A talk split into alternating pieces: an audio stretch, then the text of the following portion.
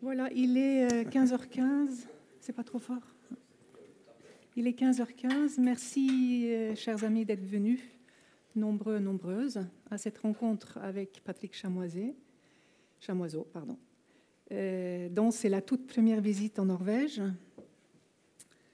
il était temps qu'il vienne en Norvège. Patrick Chamoiseau, merci d'être venu jusqu'à chez nous, dans cette petite ville sur la côte euh, atlantique de ce tout petit pays aux confins de l'Europe.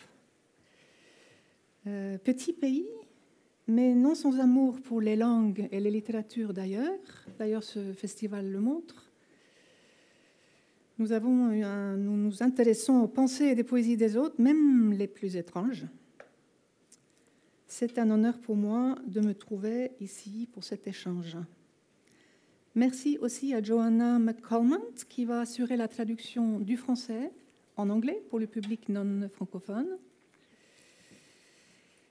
Euh, et justement pour cette raison, je vais être très économe dans mes propos et dans mes questions parce qu'il faut laisser ce temps. Et une heure, ce n'est pas beaucoup. Ça fait en fait 30 minutes pour nos échanges si on compte l'anglais dedans.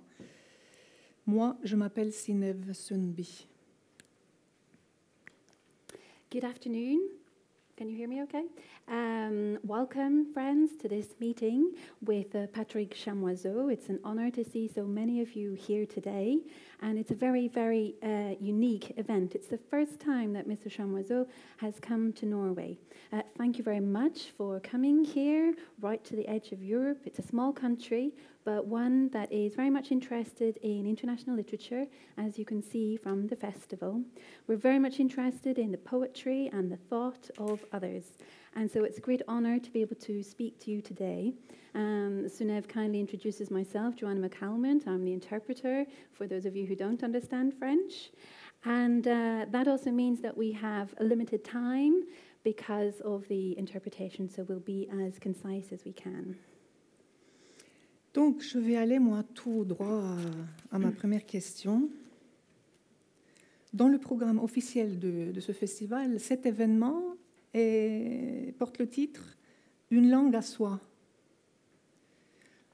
Patrick Chamoiseau, pour l'écrivain que vous êtes, quelle est la différence entre langue et idiome? Ou langue et langage? So I'm going to have to get into my first question very quickly. Uh, the title today is A Language of His Own.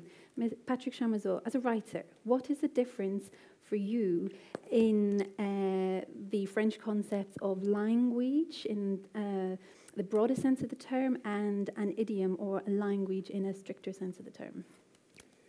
Oui, merci, euh, merci à tous, merci, euh, merci d'être venus. Pour répondre à la question euh, de la langue et du langage, on est obligé de, se référer au contexte, au contexte actuel, euh, qui est un contexte tout à fait particulier.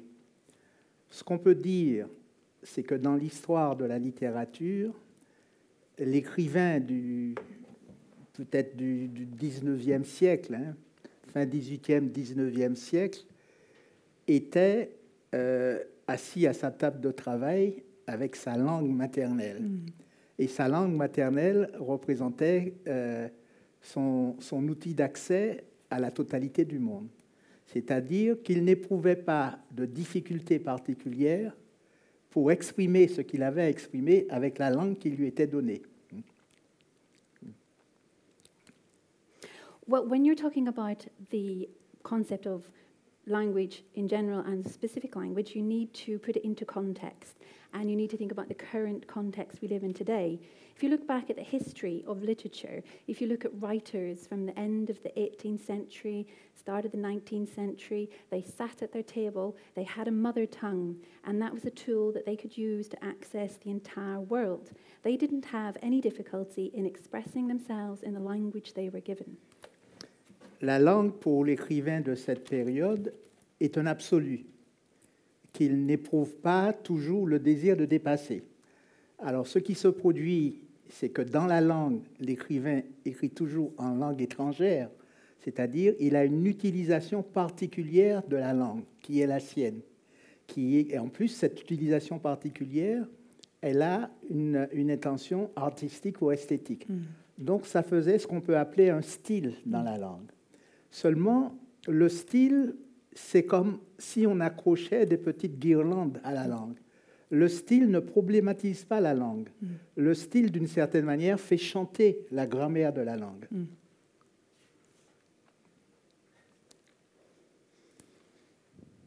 And so, in that period, the language was something absolute for the writer. They didn't feel the need to go beyond what they had. And they had this different use of language. Uh, they had their own specific use of their own language. They used it artistically, and we call that style. But that could be seen as a way of decorating the language, and uh, they didn't think there were many problematic issues around it. They were using language to make grammar sing, as it were. Alors, ce qui va se produire avec le processus de colonisation occidentale, c'est que le monde, d'une certaine manière, va se globaliser et que les cultures, les civilisations, et avec les cultures et les civilisations, les langues, les dieux, les phénotypes, les cuisines, les musiques, tout ça va rentrer dans une sorte d'interaction inarrêtable. Ce qui fait dans le monde globalisé, l'écrivain à sa table de travail, il n'est pas seulement en face de sa langue comme horizon, il est en face de toutes les langues du monde. Et il ne peut plus produire simplement un style qui habiterait sa langue en absolu, mais il est obligé de produire un langage dans la langue. Et le langage ne fait pas chanter la langue, ne fait pas chanter la grammaire. Au contraire, le langage explose l'absolu de la langue. And what you have with the process of Western colonization is that the world gradually becomes more and more globalized. Culture and civilizations interact. The languages, the gods, the music, the food, and other things all interact in a way that can no longer be stopped. And that means the writer is no longer confronted with his own language, he's facing all the other world languages. And that means he doesn't have the same connection with a specific style. He has to create his own language within all of the broader discussion of language. And it's something that blows apart almost the concept of language. Ce qui fait que bâtir son langage dans la langue, aujourd'hui, c'est véritablement disposer dans son écriture d'une sorte de désir imaginant de toutes les langues du monde. Le langage n'est pas dans la page d'une seule langue, mm. le langage est dans l'appel de toutes les langues du monde. Ce qui fait que l'esthétique est complètement différente. Là où l'écrivain 19e avait un style mm. Qui s'installait dans la langue en absolu, l'écrivain contemporain qui est précipité dans la globalisation, donc dans des flux relationnels, ne peut pas écrire dans une langue en oubliant les autres langues. Il ne peut que rêver hmm. des autres langues et avoir un désir des autres langues. C'est comme un peintre à qui on révélerait qu'il y a d'autres palettes de couleurs. Hmm, hmm. Alors vous imaginez un peintre qui, on lui dit, bon, il y a 10 000 palettes de couleurs euh, inconnues, et tu vas rester juste avec sa palette. Ce qui fait que le langage vit actuellement, c'est quelque chose qui n'est pas dans l'absolu de la langue, qui ne respecte pas la langue comme, comme si elle serait une cathédrale, et qui appelle toutes les langues du monde, qui relativise tous les absolus linguistiques. Et on l'a bien vu à un moment donné, quand Joyce écrivait Ulysse, James Joyce, il écrit dans son journal Je suis arrivé jusqu'au bout de l'anglais. Mm. Pourquoi il arrive jusqu'au bout de l'anglais? Mm. Parce que la réalité qu'il a en face de lui n'est pas simplement ma langue, ma culture, mon histoire, mon territoire, c'est l'infinie diversité du monde, l'infinie complexité du monde. Et devant la complexité du monde, une seule langue ne suffit pas. Mm-hmm.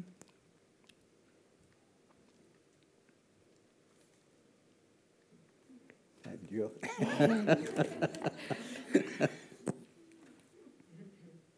And when you're building or creating your own language or voice within a language, uh, things are quite different today. Writing, well, a writer today has to imagine, they have to want. Uh, all of these other languages, there's not one single language uh, today, but what they have within their own language. And so it's quite different to writers of the 18th, 19th century today. Today's writers have all these different relational flows and interactions, and they need to want each other and they need to feed into different imaginations. It's like comparing it with a painter, for example. He has a fixed palette of colors, but maybe you can tell him there are more colors. There are 10,000 you haven't tried yet, and they need to be considered and used as well. So there's no longer one absolute uh, fixed language. Uh, it's not something that you respect like a cathedral that has been completed. Uh, if you look back at James Joyce, for example, you can read his thoughts in his diaries. He says that he reached the limits of English. And why was that? It wasn't just because of his language or his culture. No, it was something much more infinite than that. It was the feeling now that one language is simply not enough on its own. Et ce qui est étonnant, c'est qu'on se retrouve dans la situation dans laquelle Rabelais était au XVIe siècle. Rabelais qui se trouvait à une période entre le Moyen Âge et la Renaissance. On a la, les grandes découvertes, donc le monde commence à se globaliser. Il n'y a pas d'académie Mhm. qui verrouille la langue. Et il a une infinie variété de langages autour de lui, de parler, etc. Et ce qu'il va faire, Rabelais, quand il va écrire, ça sera véritablement le père du langage.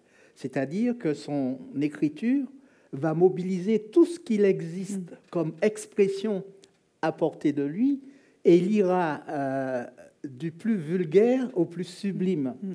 de la rhétorique la plus merveilleuse à la grossièreté la plus euh, infâme, de l'injure à la beauté. Donc il n'a pas de limite dans la langue, il n'est pas au service de la langue, comme l'était quand, quand on l'est quand on est dans le style.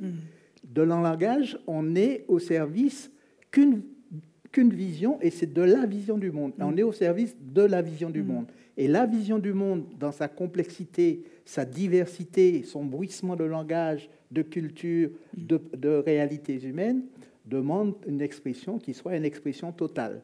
Donc le langage est une expression totale dans la langue.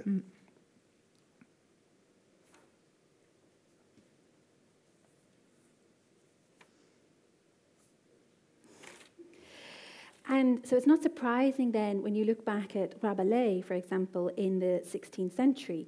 He was writing in the period between the Middle Ages and the Renaissance, a period when the world was starting to globalize. Uh, you didn't have the Académie Française at the time. And when he writes, it's as though he's the father of a language. His writing uses all kinds of expressions, from the most vulgar to the sublime, from very offensive to very beautiful. There were no limits for him. He was not serving a language, so it's not like the case with style.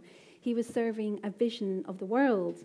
And that was a vision of a world that's complex, diverse, full of different cultures. And there was this total uh, need for expression. And so he is using the, the langage within the long, the um, full use of the language. Je comprends. Patrick Chamoiseau, vous êtes né euh, à la Martinique, territoire français dans le lointain euh, Caraïbe, où la langue officielle est donc le français, mais où le créole est essentiel. Vous avez écrit des romans, des essais, des nouvelles, de la poésie, des textes théoriques, notamment sur la créolité. Cette notion, la créolité, qui hérite c'est moi qui le dis, vous allez me confirmer ou déconfirmer, qui hérite de la notion de négritude. Ce concept négritude, élaboré dans les années 1930 par euh, Aimé Césaire de la Martinique et euh, Léopold Sédar Senghor du Sénégal, déjà donc avant la Deuxième Guerre mondiale. La négritude, telle que je le comprends, c'est cette spécificité qui cherchait à souligner et à protéger une expérience noire, une connaissance noire du monde, qui serait différente de la connaissance blanche. On reviendra, si vous voulez bien, sur ces deux notions qui sont très importantes pour vous comprendre, vous peut-être, et la littérature euh, des Caraïbes. En 1992, vous avez reçu le très grand prix littéraire euh, Goncourt en France pour votre roman Texaco, traduit en norvégien aussitôt par ma collègue Anna Ellinges. Texaco, c'est ce quartier euh, de la capitale, ou peut-être juste en dehors de la capitale, où arrive un jour euh, un urbaniste que l'on appelle le Christ. Il vient pour prendre en charge la démolition. Ce roman, c'est un récit absolument magnifique de la vie quotidienne en Martinique, depuis les horreurs de l'esclavage jusqu'à notre monde moderne avec toutes ses contradictions et les hypocrisies. C'est un roman dont j'ai envie de dire, et je ne suis pas la seule, ni la première, ni la dernière, j'ai envie de dire que c'est la langue de ce roman qui est l'héroïne principale. Je dis ça parce que cette langue agit en nous quand on lit le texte. Euh, cette langue crée une rencontre qui est une vraie expérience pour le lecteur. Patrick Chamoiseau, you were born in Martinique. It's a French territory in the faraway Caribbean, and that's a country where French is the official language, but Creole is very, very key and essential. You've written novels, short stories, autobiographical texts, and theoretical texts. In particular, you've written about Creolité, Creoleness, this is a notion that has followed on from the concept of negritude, which was developed first by Amy Césaire, a fellow Martinician, and Leopold Sedar Senghor from Senegal, and they worked on this in the 1930s. Negritude is, if I've understood it correctly, is something that wants to stress and highlight and protect the black experience a black knowledge of the world, one that's different to the white knowledge. And we'll come back to that later, if you don't mind. In 1992, you received the Prix Goncourt, a very prestigious literary prize in France, for your novel Texaco, and it's been translated into Norwegian by my colleague Anne Elichers. Texaco is an area in the capital city, and one day an urban developer, who they call the Christ, arrives to start demolition work. It's a very, very rich story about life in Martinique. It talks of the horrors of slavery and discusses the hypocrisies of modern life with various different contradictions. And it's a novel that I'd like to say, and I won't be the first one, uh, where language is really the main character. Language as it uh, acts and works in us, and also about how an encounter with this language is an experience itself. Dans, pour vous présenter. Dans votre tout dernier ouvrage, Frères migrants, qui est arrivé en 2017, et que vous appelez une intervention poétique, non pas seulement politique donc. Dans ce texte, vous dénoncez une humanité mise en danger par elle-même, ce n'est pas le sans-papier, ce n'est pas l'étranger qui nous menace, dites-vous, mais c'est nous-mêmes. Ce livre euh, se termine par une déclaration des poètes dont vous avez lu des extraits, ou peut-être la totalité tout à l'heure. Mais pour ceux qui n'étaient pas à la lecture, je pense qu'il est important pour, pour, pour, illustrer ce que je veux dire, et ma seconde question, de vous demander de lire juste la première phrase du point numéro 5 de la déclaration des poètes. Les poètes déclarent qu'aller venir et dévirer de par les rives du monde sont un droit poétique, c'est-à-dire une décence qui s'élève de tous les droits connus visant à protéger le plus précieux de nos humanités, qu'aller venir et dévirer sont un hommage offert à ceux vers qui l'on va, à ceux chez qui l'on passe, et que c'est une célébration de l'histoire humaine que d'honorer la terre entière de ses élans et de ses rêves. Merci. In English. Uh, your latest work, uh, Migrant Brothers, was published in 2017, and you've called it a poet's declaration. So it's uh, not just political, it's also one where you say that humanity is at risk and it's being put at risk by itself. It's not the other, it's not the immigrant that's threatening us, you say, but ourselves. And the book uh, concludes with a 16 point poetic poet's declaration, and uh, you've kindly just read the extract in French. Uh, you read the full extract earlier, the reading, and I will read the English translation. The poets declare that coming, going, and drifting about the shores of the world are a poetic right. That is, a decency that arises from all known rights, whose goal is to protect the most precious part of our humanity. That coming, going, and drifting about are a homage offered to those toward whom we go, to those whom we visit, and that it is a celebration of human history to honor the entire earth with its movements and its dreams. So, on le voit donc que les poètes, ceux qui manient les langues et nourrissent nos imaginaires, ont un rôle important, puisqu'ils peuvent écrire des déclarations. Ils ont peut-être une responsabilité. Avant de vous demander de- d'expliquer ce que peuvent les poètes, j'aimerais quand même revenir aux deux concepts que je mentionnais tout à l'heure, la créolité et la négritude. À l'époque où vous avez, vous et et les gens de votre euh, génération, élaboré l'idée d'une créolité, est-ce que vous avez quitté la négritude ou est-ce que vous l'avez élargie? So, poets, uh, the people who use language, who feed into our imaginations, have a very important role to play. They have a responsibility, even. But before I ask you to explain more about that, I'd like to go back to the concepts I mentioned earlier creolity and negritude. When you were developing that with uh, the fellow writers, was it a sign when you talked about creolity that you wanted to move away from negritude, or did you want to expand upon it? Oui. Pour répondre à la, la question, il faut euh, comprendre la fondation des Antilles. C'est vrai que toutes les cultures et toutes les civilisations ont toujours été des lieux de rencontre, des lieux de convergence, des lieux d'échange. Mais ces rencontres, ces convergences, ces échanges et ces influences mutuelles se produisaient sur de longues plages temporelles. Ce qui va se produire dans les Antilles, dans les Amériques, c'est qu'on aura une rencontre de culture, de civilisation, de phénotype, de dieu, de langue, qui sera une sorte de choc brutal. Une rencontre massive, accélérée et brutale, ce qui va se faire à peu près sur à peine deux, trois siècles. Et ce phénomène de rencontre brutale va produire, du point de vue anthropologique, quelque chose de nouveau.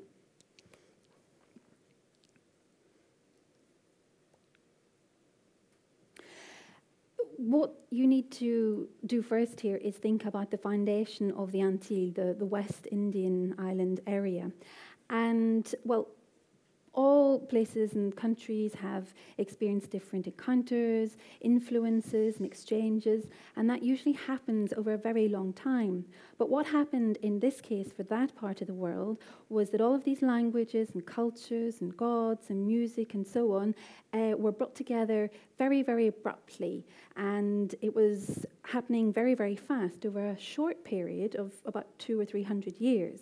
And that then had a very new impact on the anthropological context there.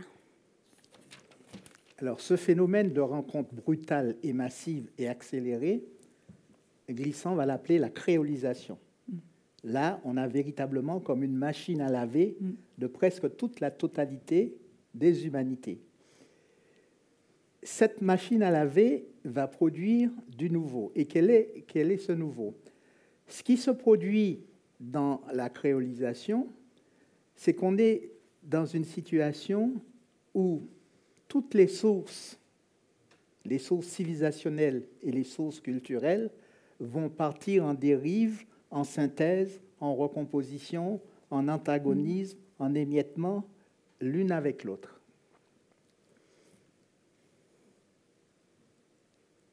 And so, what happens with this very brutal encounter? Well, Glisson called it creolization. It's, it's as though you had a huge uh, washing machine, as it were, where everything was thrown in together and then you bring out something new, something new is created. And what was that new thing? Well, this new thing was the creolization, where all of these different uh, sources of civilization and culture were thrown together, they were reconstituted, they were broken up, uh, some of them clashed, and that was the result. Alors, quand Césaire va écrire la négritude, enfin son cahier d'un retour au pays natal, qui sera le, texte fondateur de la négritude, il se trouve dans une situation qui est celle des Antilles, c'est-à-dire les peuples amérindiens ont été génocidés ou déstructurés, les colons européens, pratiquement tous les occidentaux, sont là avec leur langue, leur civilisation. Ils font venir des millions d'Africains, il y a à peu près entre 12 et 15 millions d'Africains qui vont éclabousser les Antilles et les Amériques. Et par la suite, il y aura des, des, immigrations. Mm. Donc Césaire est dans un peuple composite, une situation composite. Cette situation composite est dominée par le racisme et l'exploitation coloniale. Et dans cette situation composite, il y a une composante qui est importante, qui est massive, celle des Africains, donc celle de l'Afrique, qui va être complètement niée, c'est-à-dire l'Afrique, c'est le lieu de la barbarie, mm. et le noir, ce n'est pas un homme. Donc voilà la situation dans laquelle se trouve euh, Césaire. Une situation composite avec une composante majeure qui est complètement dévalorisée, en plus une exploitation coloniale. Et c'est ça qu'il va contester. Composite majeure, c'est-à-dire? Composite, euh, oui, mais les, Africains? Qui les composites oui, oui, la composition majeure des Amériques et, des, euh, et des Antilles, c'est l'Afrique, la, mm. Pour de multiples raisons, mm. mais euh, c'est l'Afrique qui reste déterminante. Parce qu'on le voit bien que toutes les musiques, les, les, créations, enfin les surgissements culturels qui vont se faire dans les Antilles et dans les Amériques seront valables pour tous mm. et auront toujours une base africaine. Le jazz.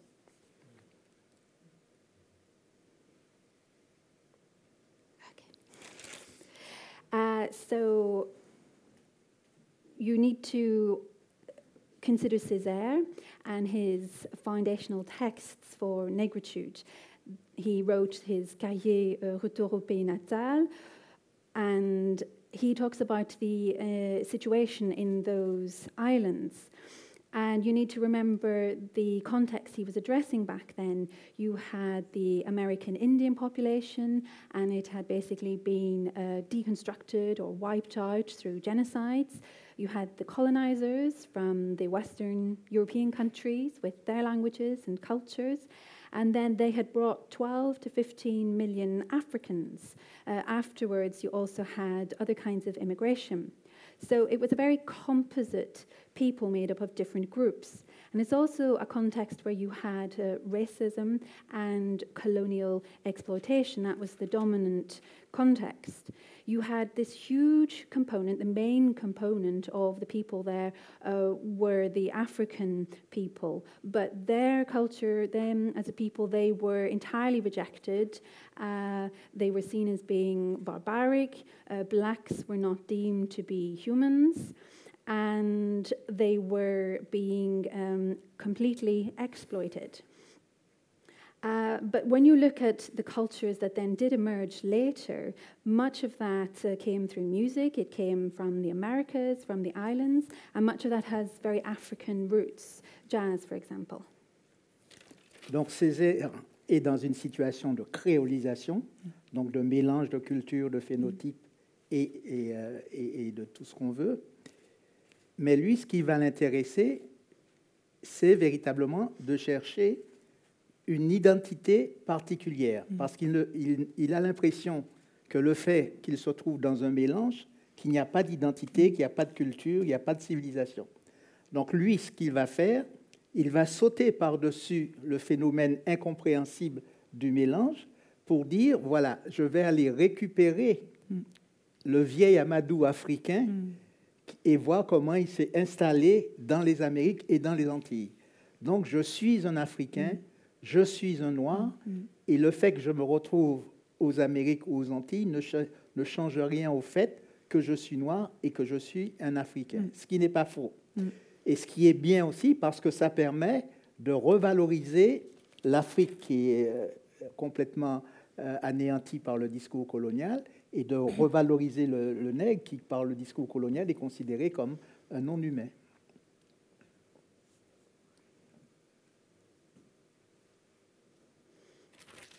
So with Césaire, you have creolization, which was the mix of cultures and absolutely everything else. And he wanted to try and find a different focus. He wanted to try and find a specific identity. He feels that with this mix, there's no clear culture, no clear civilization. And what he does then is try to move beyond the mix. He tries to regain uh, the old African Amadou. He says, I am African, I am black, and just because I'm out here in the Caribbean, it doesn't change uh, who I am. Not, it's, he's not wrong in saying that, but uh, because he was trying to revalue and give new value to everything that had been destroyed and negated and ignored during the colonization period uh, when people had been seen as not even being human. Donc la négritude, c'est une bonne chose parce qu'elle conteste la domination coloniale et qu'elle conteste le, fait que l'Afrique ne soit pas un lieu de civilisation et que l'homme noir ne soit pas un homme. Ça, c'est bon. OK, on est d'accord. Mais du point de vue anthropologique, c'est faux. Mm. Parce que si on prend le discours de la négritude et qu'on se dit, voilà, nous sommes simplement, c'est l'Afrique qui a été transplantée dans les Antilles et dans les Amériques, et ce que je suis, moi, par exemple, je suis un Africain, on ne comprendrait pas le jazz, on ne comprendrait pas le calypso, la biguine, le zouk, le reggae. Mm. Toutes ces musiques, on ne peut pas les comprendre sans la Mm. polyrythmie africaine, Mm. mais ce ne sont pas des musiques africaines. Mm. Il s'est produit quelque chose de nouveau.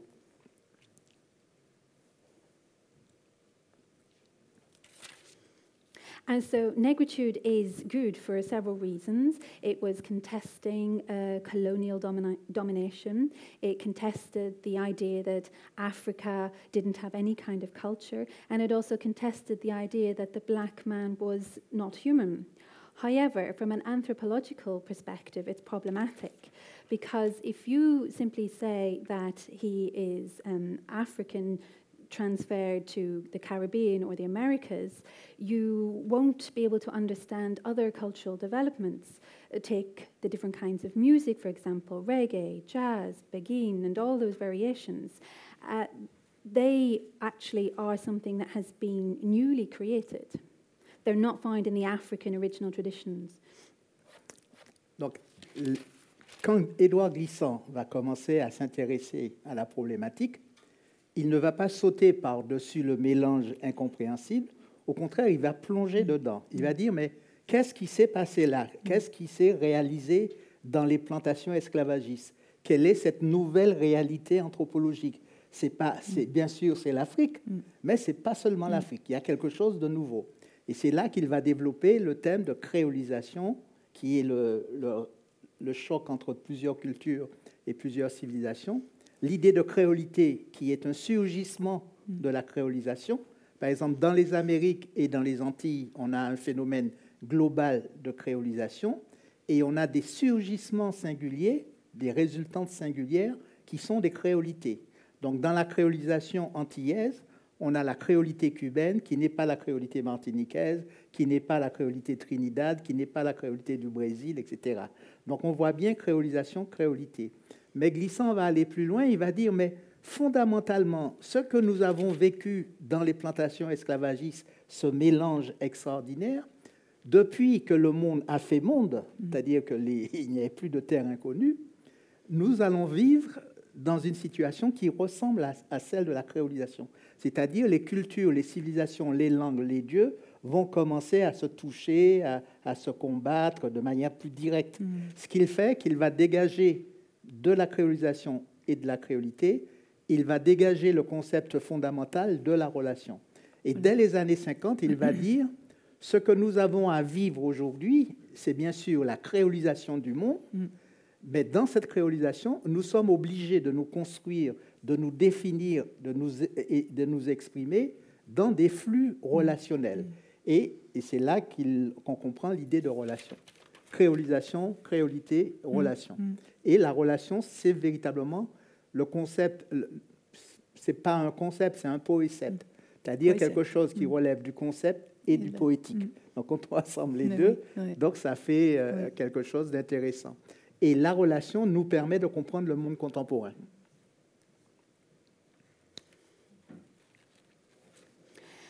And then when Edouard Glissant starts to develop creolization, he doesn't just uh, bypass the idea of the cultural mix, he dives right into it.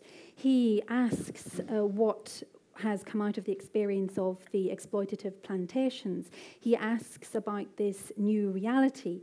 Yes, it's African, but it's also something new at the same time. You have the creolity in the Americas, in the Caribbean, but it's part of the global phenomenon of creolization. And in the wider global phenomenon, you have specific creolities. So the creolity of Cuba is not the same as that of Martinique or Brazil or Trinidad or other countries. But Glissant goes further again. He wants to uh, look again at the experience of the plantations, and he also starts to say that actually, since the start of the world, we've always been living in some kind of creolization. The cultures and languages and gods have always been mixing somehow. And this brings us to the concept of relation. He was uh, speaking about this in the 1950s, and it's a new creolization of the world that's happening at that time. It's one where you're trying to construct yourself and define yourself, and you're trying to do this in all sorts of different relation flows. Uh, it's an idea, and uh, there's a nice French word, a poet concept, so it's a poetic concept is the best I can come up with off the top of my head. And that's what we're trying to uh, understand in today's world. We're trying to use this to understand the world we live in today. Il faut revenir à, à- à la notion de relation, puisque le poète que vous êtes, l'écrivain que vous êtes, comment dans tout ça est-ce qu'il trouve sa langue? Je veux bien comprendre qu'il y a un mélange de beaucoup de choses à beaucoup de niveaux, qu'on est en train de construire une identité qui serait peut-être par définition multiple, mais l'écrivain, il lui faut une langue. Comment il fait alors? So this brings me to your question. You're talking about the relation, you're talking about uh, language. How does a poet find his own language? How does he find this identity? We're talking about multiple identities, and what does the poet or writer do? Alors, dans la relation, tout change. Mm. Dans la relation, par exemple, tous les vieux marqueurs identitaires ne fonctionnent plus. Par exemple, pour comprendre dans ma situation, j'ai la peau noire, mais je suis plus proche de n'importe quel écrivain blanc des Antilles et de la Caraïbe, comme Garcia Marquez, Aliko Carpentier, que d'un écrivain africain. Même si ma peau noire me Mhm. donne des solidarités euh, irréductibles avec l'Afrique et avec tous les Noirs du monde. J'écris en français, mais je suis plus proche de n'importe quel écrivain anglophone ou hispanophone ou créolophone de la Caraïbe et des Amériques que d'un écrivain français. Même si le fait que mon usage de la langue française me rend solidaire de la culture et de la langue française. Ce qui fait qu'aujourd'hui, les familles d'écrivains sont données par des structures d'imaginaire. Ce n'est pas donné par des couleurs de peau. Si vous rassemblez les gens qui ont la même couleur de peau, tous les noirs, vous allez mélanger des, noirs, et des torchons et des serviettes. Par exemple, je me souviens de cette dame qui s'appelle Consolida Rice aux États-Unis. Elle a la peau noire, mais elle avait exactement le même imaginaire que Bush. Elle n'avait pas l'imaginaire de Mandela, ni de je ne sais plus qui, Mm. euh, Martin Luther King Mm. ou autre. Mm. Elle, elle avait une apparence, un phénotype noir, Mm. mais la structure de son imaginaire Mm. est, est- était complètement occidental ou blanc.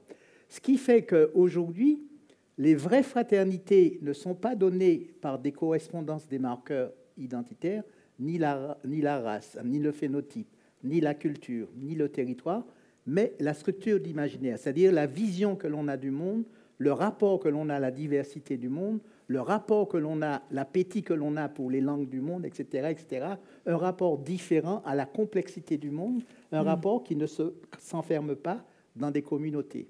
Alors pour comprendre une situation, tous les gens vivent encore avec l'identité ancienne, une peau, une race, un territoire, etc.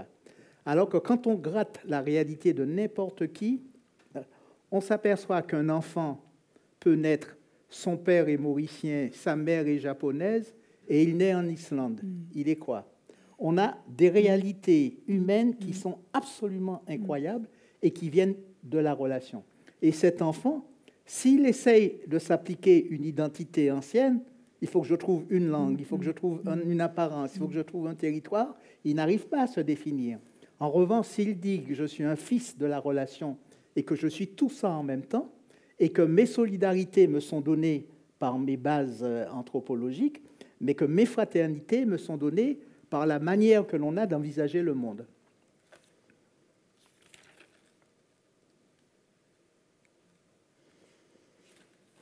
Là, ça va être dur. so, now that we have this concept of relation, everything changes. And within that uh, vision of the world, the old identity markers simply don't work.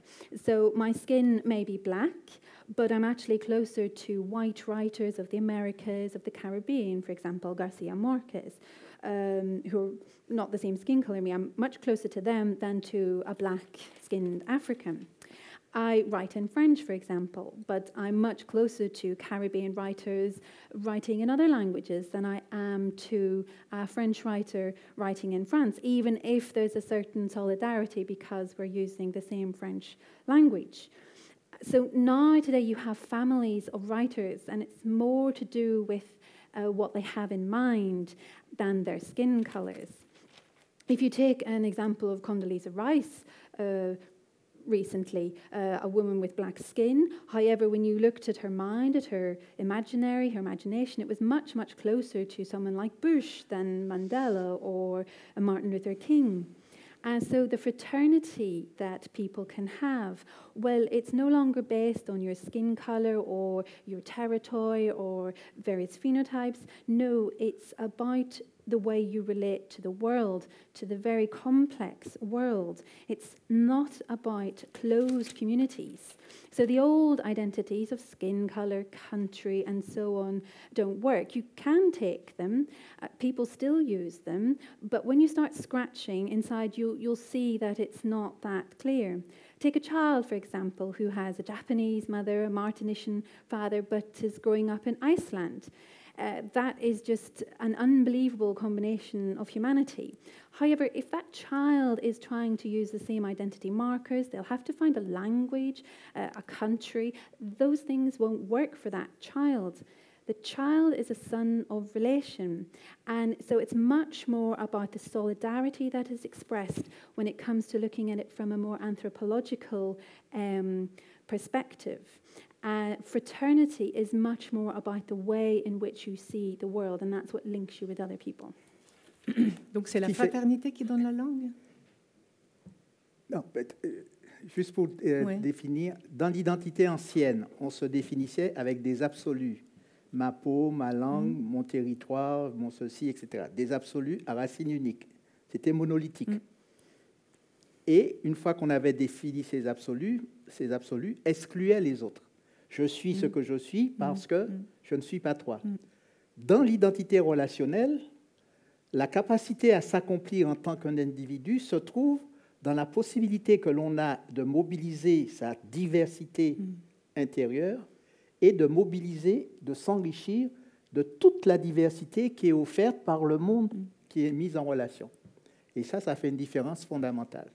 Ce qui fait qu'aujourd'hui, pour un écrivain, la langue, si on prend la base pour dire la langue, ce n'est qu'une matière pour l'écrivain, un peu comme euh, le sculpteur, il a de l'argile. Mm. C'est une matière qu'il modèle à sa guise.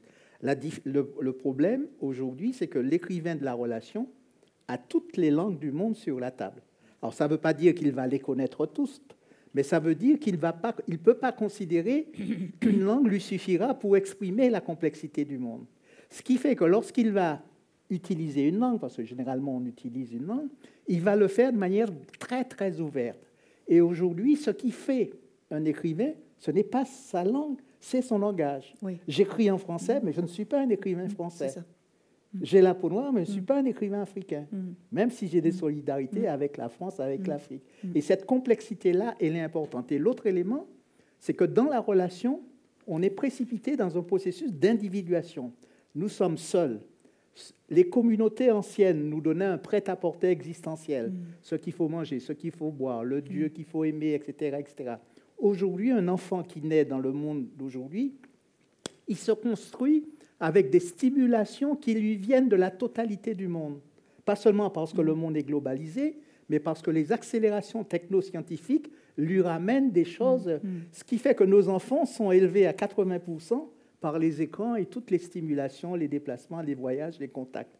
Et cette situation relationnelle, elle est absolument déterminante. Et le problème, c'est que nous la vivons sur des bases monolithiques. Nous cherchons encore la racine, la peau, la mm. culture, mm, mm, euh, la racine unique.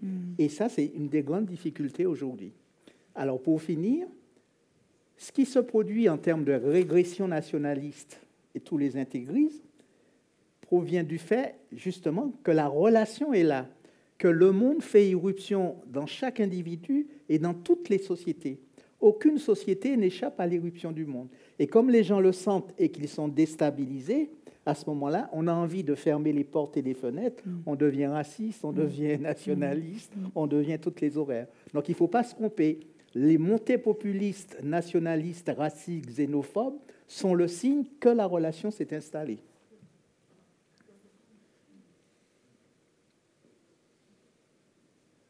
Bon courage. Oui. so, going back again over the concept of the old identities. They, they worked with absolute terms, the language, the skin color. It was all very monolithic and it was used to exclude others.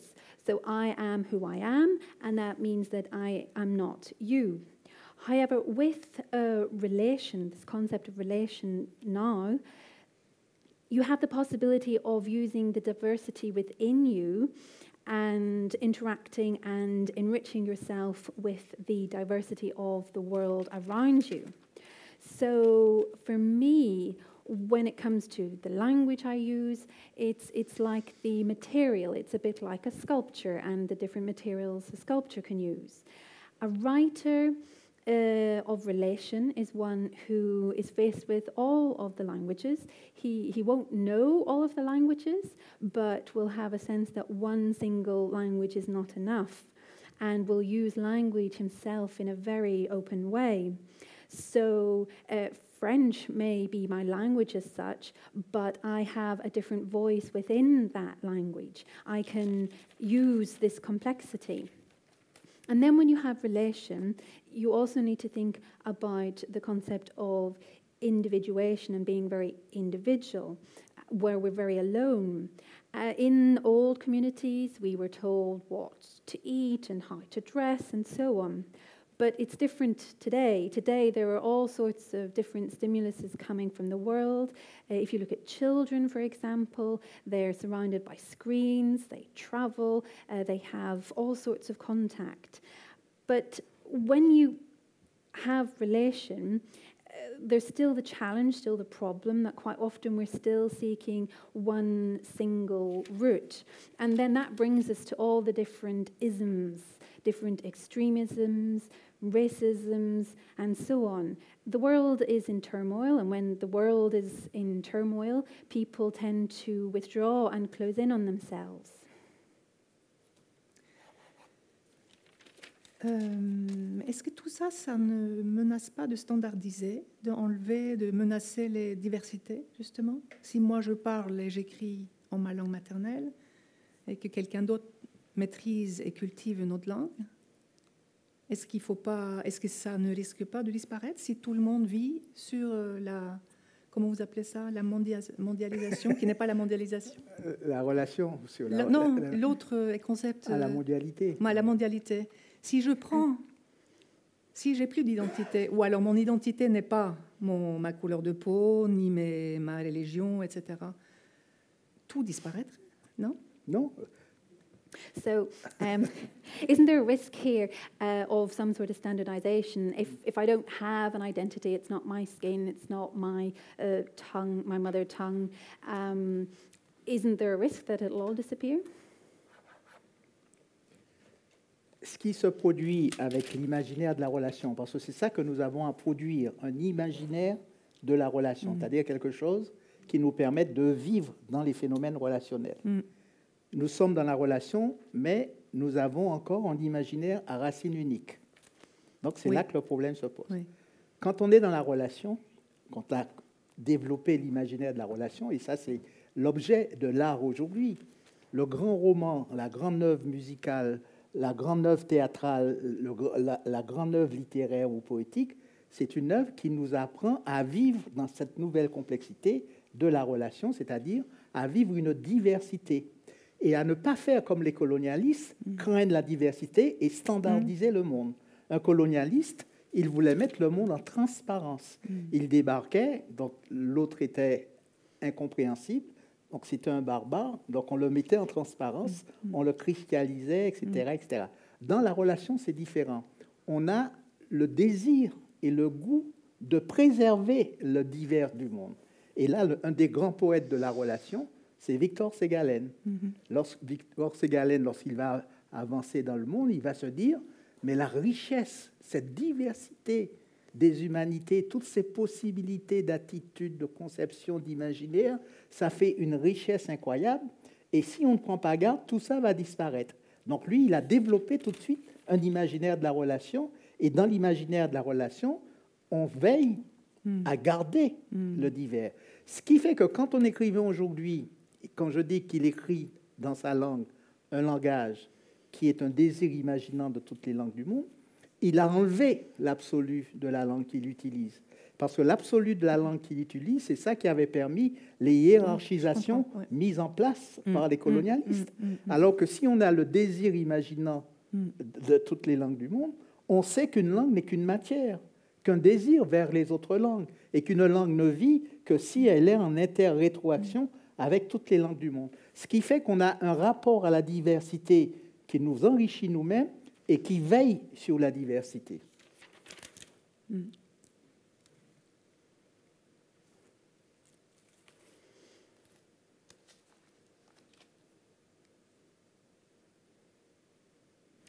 And so, when you're in this idea of relation, part of art is to try to create the idea of relation. That's what novels and plays and music and poems are trying to do.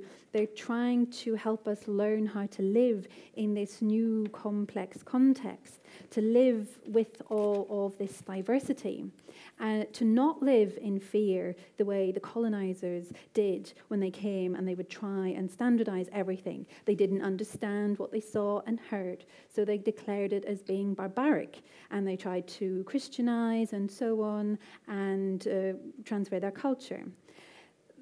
There is a poet, Victor Segalen, and this was precisely what he's trying to do. This, he's trying to work with this relation. And as he traveled and discovered the diversity across the world, he saw all the possibilities that it offered and felt that it was a great, great wealth. And if we're not careful, that it could disappear. So, the idea of the relational in art is to try to keep and protect this diversity there's no absolute uh, when it comes to the language that's being used. It's not the hierarchical system of order that the colonizers had followed. Language is a material, uh, languages interact with other languages, and the idea is to try and enrich the diversity that's already within us. Dans l'imaginaire colonialiste, euh, l'idée était de mettre le monde en transparence. C'est-à-dire, on colonisait, on christianisait, on civilisait, et nous avons adopté nous-mêmes ce mode de la transparence. Par exemple, lorsqu'on veut faire une traduction d'un roman, les traducteurs dans les années euh, peut-être 50 étaient dans la logique de sortir, de mettre une langue de départ, de prendre une langue de départ, un récit, et de le mettre en transparence dans une langue Mm. d'arrivée. Mm. L'idée, c'était de clarifier Mm. les choses. Mm. Une attitude totalement colonialiste. Ce qui est important dans l'imaginaire de la relation, mais il y a beaucoup d'éléments dans Mm. l'imaginaire de la relation. Mais dans l'imaginaire de la relation, il y a une notion qui est importante, c'est le droit à l'opacité. Oui, je voulais y revenir. Et le, le traducteur, dans la perspective de l'imaginaire de la relation, devient un berger des opacités. Par exemple, quand j'ai écrit Texaco, personne ne comprenait rien. Ouais. Et pas seulement les Antillais non plus. hein. Mhm. D'abord parce que c'est une langue personnelle, les Antillais ne sont pas mieux armés, mais il y a une opacité naturelle. Je suis un créole américain, j'ai un imaginaire singulier, etc. Or, les gens, lorsqu'ils abordent un livre, ils veulent la transparence. Mm. Ça, c'est une attitude qui nous vient directement de la, du colonialisme. Mm. Alors que la relation Mm. respecte l'opacité, Mm. nous apprend à je- savourer le fait que je peux rentrer en relation avec toi sans te comprendre et sans te Mm. mettre en transparence. Mm. Mm. Et le droit à l'opacité, ce sont des procédures qui nous permettent de préserver le divers, mais il y en a beaucoup. Qu'est-ce qu'elle fait, la traductrice alors? C'est un berger des opacités. C'est facile. Il faut qu'elle respecte mon opacité. Ah, moi, je ne pensais pas à elle, je pensais à moi, en tant que future traductrice de vos œuvres. So, in the colonists' imaginary, they wanted a very transparent world. They wanted to civilize, for example. Uh, if you take the translation of books, for example, in the 1950s, if a story was being translated, it was to be transferred into the target language, and the process aimed to clarify things and to make sure it's all very clear. But in this concept of relation, you have the right to opacity. And in that case, then the uh, translator would be the shepherd of opacity, something that can exist naturally. So I am American Creole, I have my own ideas and mind. And um, when people pick up books, however, they don't necessarily want this idea of opacity. They want something transparent and something clear. But that's a concept that has been handed down from colonization. There is this right to opacity, uh, it's part of maintaining and preserving the diversity. Alors, dans la relation, je peux changer en échangeant avec l'autre sans pour autant me perdre ou me dénaturer. Mm. Je change Mhm. avec l'autre, Mhm. donc je me change, Mm.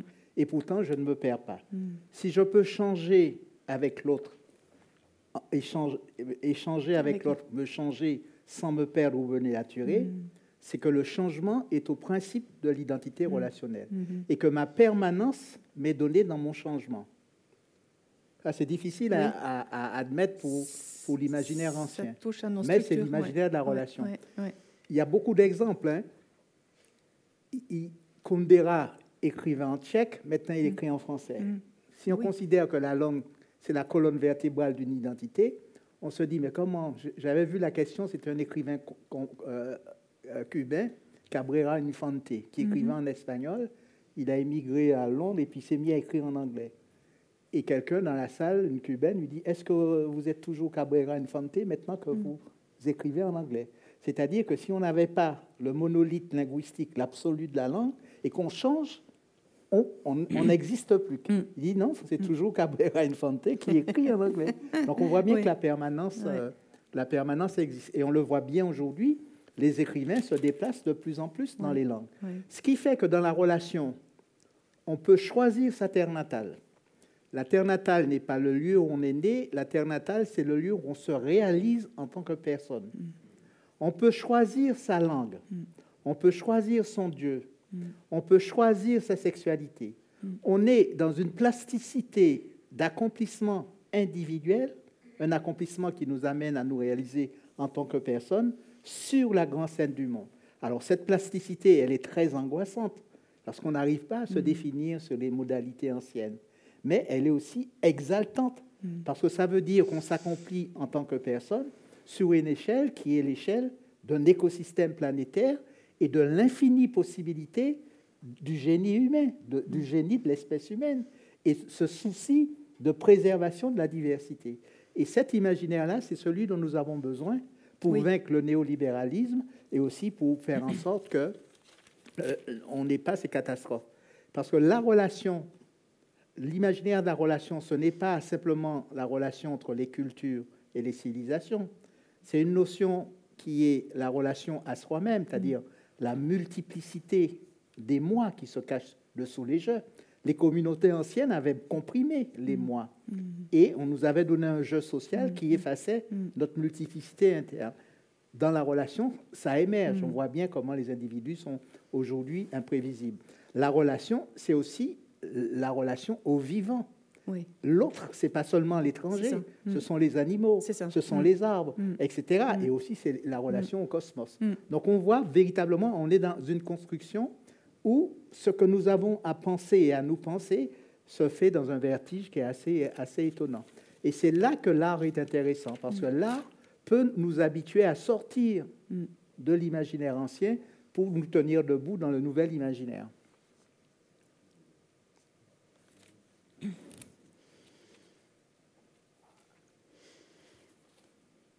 And so, when it comes to relation, I can still interact and exchange with others without losing myself or without becoming somehow watered down. And if I can interact with others and change, it's because there's this principle of relational identity. You can take uh, writers, for example. I was at an event and there was a Cuban writer, Infante, and he's now started to write in English. And he got a question from the room saying, Oh, well, now you're writing in English. Are you still the same Infante? And he said, No, of course. Uh, it is still me. Uh, writers are moving between languages more and more often uh, we can now choose our own birth country.